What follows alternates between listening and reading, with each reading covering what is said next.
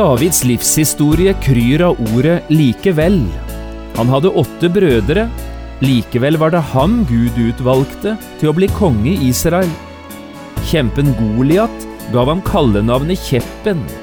Likevel var det spjælingen David Gud lot gå seirende ut av duellen. Og som konge led han to personlige nederlag. Likevel var han mannen etter Guds hjerte.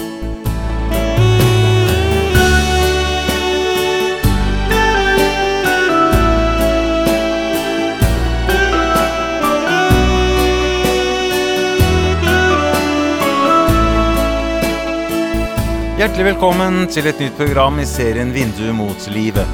Programmet er produsert av Kristen Riksradio og blir ledet av Jon Hardang. Denne programserien er produsert med støtte fra Stray Nordform kjøkken og bad.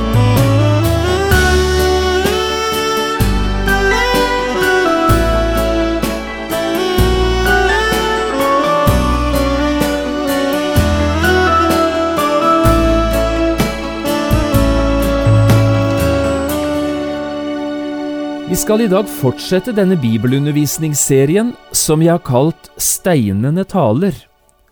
I 18 programmer prøver vi å løfte fram en del av de steinene vi møter i Bibelen, og høre hva de har å fortelle oss. For steiner kan tale, det har vi etter hvert fått en del eksempler på her. Du kan også få kjøpt denne programserien på CD ved å henvende deg til P7 Kristen Riksradio. I dag skal vi finne fram en av de kjente søndagsskolehistoriene fra Bibelen, nemlig historien om David og Goliat. Og vi skal gå inn i historien på det punkt der David har bestemt seg for å gå til kamp mot den skrekkinngytende kjempen.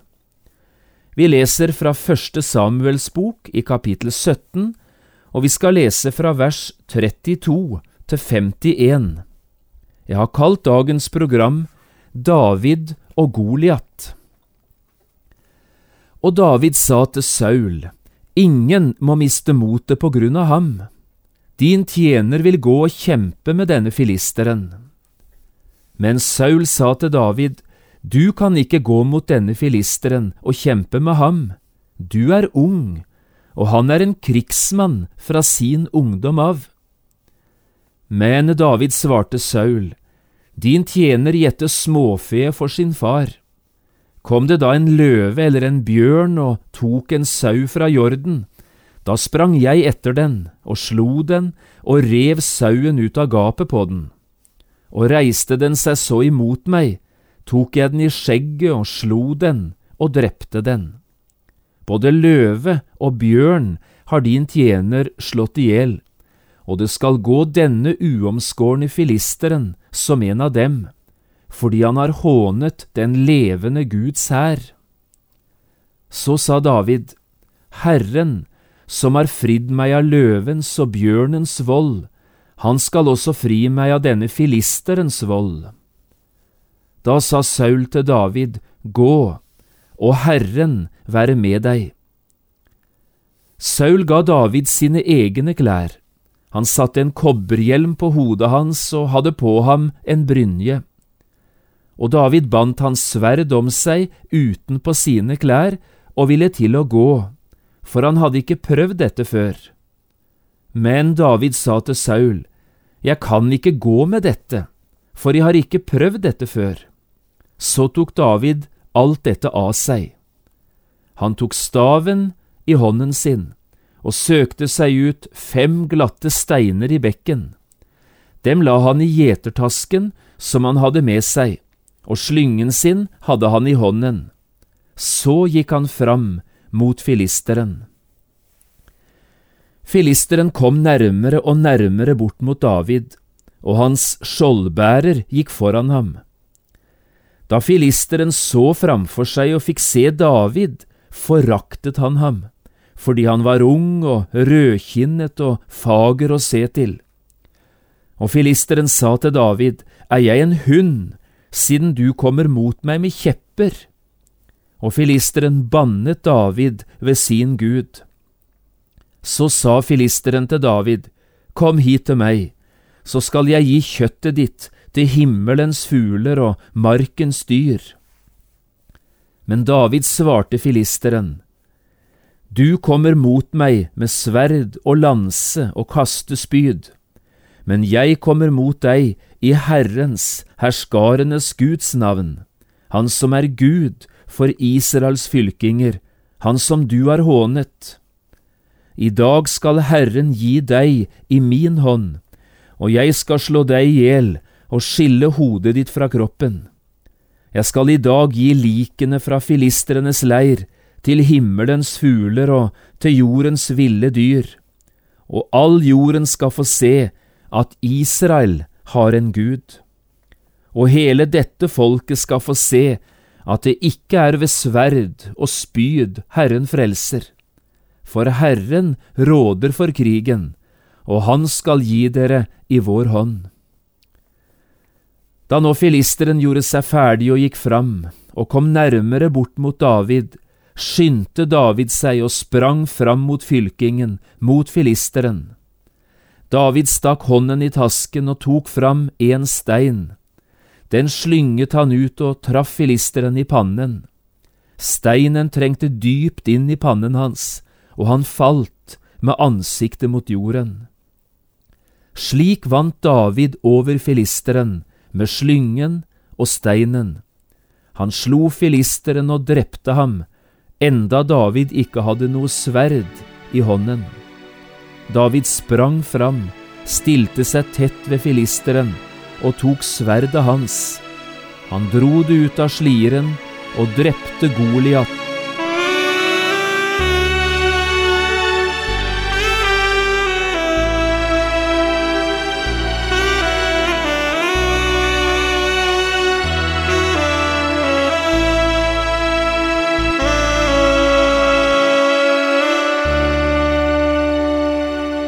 David, den spinkle, skjeggløse gutten, kneler ned ved bekken. Jorden gjør knærne hans våte, sprudlende vann avkjøler hånden. Hadde han brydd seg om det, kunne han ha studert de vakre trekkene sine der ved vannkanten. Håret er kobberbrunt, huden frisk og rødlig, og øynene kunne ta pusten fra de hebraiske ungjentene.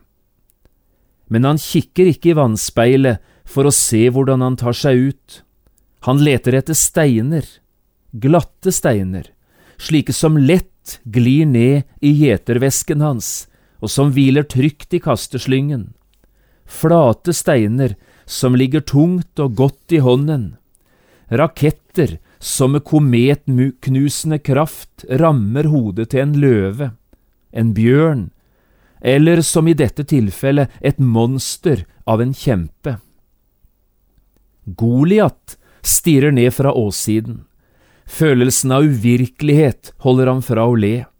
Han og filisterflokken hans har gjort sin halvdel av dalen til en skog av spyd, en knurrende, blodtørstig gjeng av kjeltringer med skremmende hodetørklær og piggtrådtatoveringer. Goliat rager tårnhøyt over dem alle. Han er tre 1,25 meter høy på sokkelesten. Han har på seg en rustning som veier over 75 kilo. Han snerrer som favoritten foran verdenscupen i bryting. Snippstørrelsen er 87, hattemålet 98 og beltet et par meter. Armmusklene svulmer, lårmusklene strutter, og skrytingen hans høres ut som høylytt raping gjennom dalen. I dag vil jeg utfordre fylkingen av israelitter. Gi meg en mann, så vi kan ta en kamp mot hverandre. Hvem vil kjempe mann mot mann med meg? Send hit den tøffeste typen. Ingen av jødene stiller. Ingen foreløpig. Ingen før David. David bare dukker opp denne morgenen, etter å ha frasagt seg ansvaret for sauene, for så å levere brød og ost til brødrene ved slagfronten. Her får David høre Goliat forakte Gud, og der og da tar han en avgjørelse. Han tar staven sin i hånden, og velger seg ut fem glatte steiner fra bekken. Dem legger han i gjetertasken som han har med seg, og slyngen sin har han i hånden. Så går han fram mot filisteren. Goliat håner guttungen, kaller han for Kjeppen. Er jeg en hund, siden du kommer mot meg med kjepper? Hengslete David, omfangsrike, ubehøvlede Goliat, en tannpirker mot en tornado, en minisykkel som angriper en 18 hjuls trøkk, en lekepuddel som gir seg i kast med en rottweiler. Hvilke odds gir du, David, mot dette monsteret? Med de ordene du nå har hørt, begynner Max Lucado boka si Duell, en bok han skrev i 2006, og som nettopp tar utgangspunktet i den kjente bibelhistorien om David og Goliat. Facing Your Giants lyder originaltittelen i møte med dine kjemper. Med denne tittelen signaliserer Max Lucado at han i boken vil mer enn å gjenfortelle en gammel, kjent bibelhistorie. Han ønsker å anvende den for å komme mennesker som deg og meg til hjelp, som så ofte i våre liv også kan stå ansikt til ansikt med situasjoner og med krefter som vi ikke selv har noen mulighet til å komme levende fra møtet med. Derfor fortsetter Max Lucado kapittel 1 på denne måten. Hvilke odds gir du David mot dette monsteret, spør Max Lucado. Kanskje bedre odds enn du vil gi deg selv i møte med dine monstre. Din Goliat har verken sverd eller skjold. Han vifter med våpen som arbeidsløshet, vraking, seksuelle misbruk eller depresjon. Ditt monster paraderer ikke opp og ned åssiden i Terebintedalen. Han spankulerer gjennom kontoret ditt, soverommet ditt, klasserommet ditt. Han kommer med regninger du ikke kan betale, karakterer du ikke kan oppnå, mennesker som aldri blir fornøyd med deg. Whisky som du ikke kan motstå, pornografi som du ikke kan avvise, arbeidsoppgaver du ikke kan vri deg unna, en fortid du ikke kan skubbe fra deg, en framtid du ikke tør å møte. Jo da, du kjenner godt brølet fra Goliat. David sto overfor en som utbasunerte utfordringene sine sent og tidlig. To ganger om dagen, både morgen og kveld, i 40 dager, spankulerte filisteren foran israelittenes hær. Og dine monstre gjør akkurat det samme. Første tanke om morgenen, siste bekymring om kvelden. Monstrene dine dominerer dagen tilskitner håpet, gjør deg rasende innvendig og gjennomhuller gleden. Så langt Max Lucado og kapittel 1 i boka hans Duell. Når jeg siterer såpass mye fra begynnelsen av denne boka, har dette i dag selvsagt sin spesielle grunn. Ikke bare vil jeg anbefale deg å lese denne boka av Max Lucado, Duell. Like mye har jeg lyst til å gjøre deg oppmerksom på den spesielle måten som Max Lucado her anvender historien om David og Goliat på. Han bruker den som en illustrasjon på den indre kampen som enhver sann kristen vil oppleve at utkjempes i hans eget liv og hjerte. På baksiden av den norske utgaven av boken kan vi lese disse ordene. Vi mennesker må takle svimlende utfordringer og utmattende dueller, men vi trenger ikke takle alt på egen hånd. Denne boka tar oss med på en reise inn i Davids verden. Vi får innblikk i hvilke nederlag han led, og hvilke strider han vant. Duellene han sto overfor, kunne være monsterstore og virke uovervinnelige. Men så lenge David fokuserte på Gud, falt monstrene. Når han fokuserte på monstrene, ble han selv overmannet. Typer som Goliat brøler fremdeles, både rundt oss og i vårt indre. Tap, ulykker, sykdom, skilsmisse, svik, depresjon. Slike enorme utfordringer sniker seg innpå oss og truer gleden og tryggheten i vår tilværelse. Men David lærer oss hva vi bør gjøre, fokusere på Gud og frimodig svinge slynga. Og la meg nå få spørre deg, hvor lenge er det siden du la en stein i slynga di og svingte den mot det monsteret som kom faretruende imot deg? Det er det du skulle gjøre. Løft blikket. Ved Guds hjelp kan også du gå av med seieren. Og så mot slutten av programmet i dag vil jeg også gjøre deg oppmerksom på en annen side ved historien om David og Goliat eller kanskje rettere sagt en annen måte å anvende denne historien på. For de fem glatte steinene fra bekken, de taler også til oss om en helt annen kamp enn vår kamp mot Goliat, slik vi opplever den i vårt indre. Nå skal du høre. Du kjenner gjerne til at David var en av Jesu forfedre, eller motsatt sagt, at Jesus var en av Davids etterkommere. Det er derfor han ofte i Bibelen kalles for Davids sønn. Tusen år etter at David kjempet mot Goliat, gikk nemlig denne Davids sønnen, Jesus Kristus, Guds sønn, til den siste store og endelige kampen mot Goliat. Det skjedde på Golgata. I Terebintedalen trengte David én eneste stein, og så var Goliat beseiret.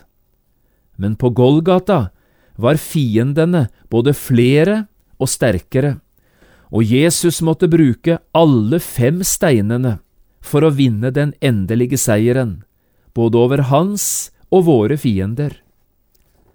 Nå skal du høre noe fint. I Terebintedalen møtte den første David en Goliat, og la denne sin fiende til jorden med én stein. På Golgata møtte Jesus fem sterke fiender, og måtte bruke alle fem steinene for å vinne den endelige seieren. Ja, tenker du, men hvilke fiender var det Jesus beseiret? Jo, det forteller Bibelen oss. For det første måtte Jesus beseire synden, den som hadde trengt seg inn i verden da det første mennesket falt, og siden hadde synden trengt gjennom til alle mennesker. For det andre måtte Jesus beseire døden, den første og farligste konsekvensen av synden. Syndens lønn er døden, det hadde Gud selv sagt på skapelsens sjette dag og at Gud hadde talt sant, det har mennesker i alle generasjoner siden måttet erfare. Vi er dødens barn som lever midt i dødens verden. For det tredje måtte Jesus beseire djevelen, han som var hjernen bak det store fallet, og som hadde ansvaret for at både synden og døden tok makten over menneskene. Ja, til og med navnet hans forteller hvem han er. Djevelen, Diabolos, motstanderen. Og så for det fjerde måtte Jesus beseire verden. I dag er nemlig verden ikke bare menneskenes vakre livsrom. Verden representerer også et miljø, en stormakt, en åndsatmosfære som preger de menneskene som bor der. Verden er i sin grunninnstilling vendt bort fra Gud, både i sinnelag og i innstilling.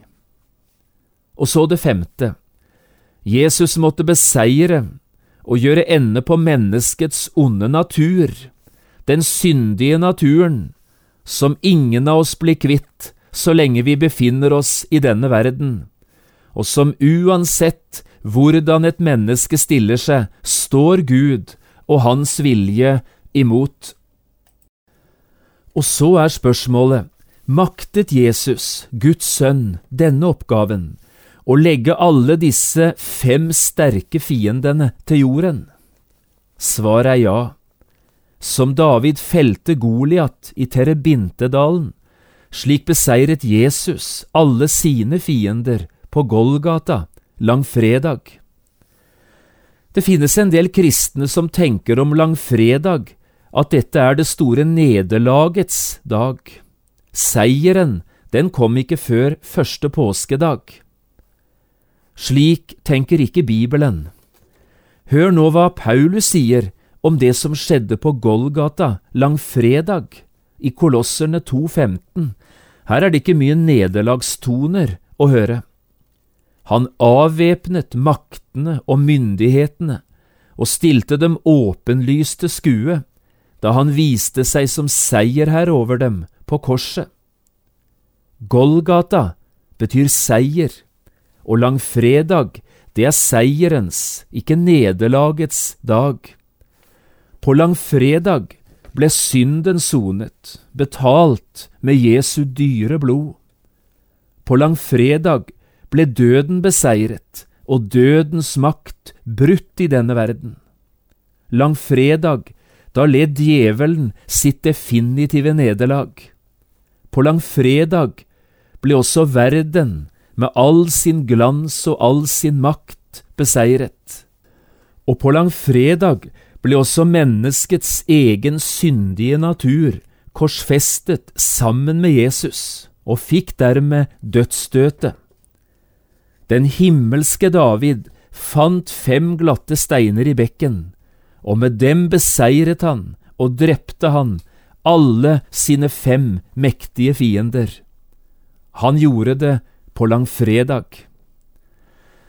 Kan du ikke også prøve å ta dette med deg i dag, i tillegg til alt det som historien om David og Goliat har å lære oss, om hvordan vi kan seire i den kampen og striden som vi som kristne må utkjempe hver eneste dag.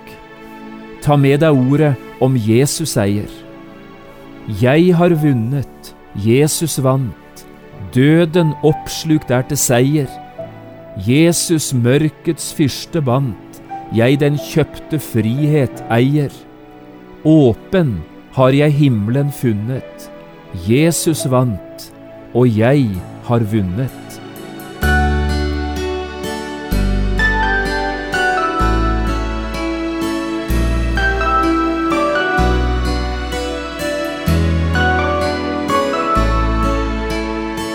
Du har lyttet til et program i serien Vindu mot livet med John Hardang. Programmene i denne serien kan også kjøpes på CD fra Kristen Riksradio, eller høres på internett på p7.no. Har du spørsmål eller kommentarer til det du nå har hørt, kan du ta kontakt med oss. Adressen er Kristen Riksradio, Skiene 2, 5353 Straume. Eller send en e-post vml alfakrøll p7.no. Takk for i dag, og på gjenhør.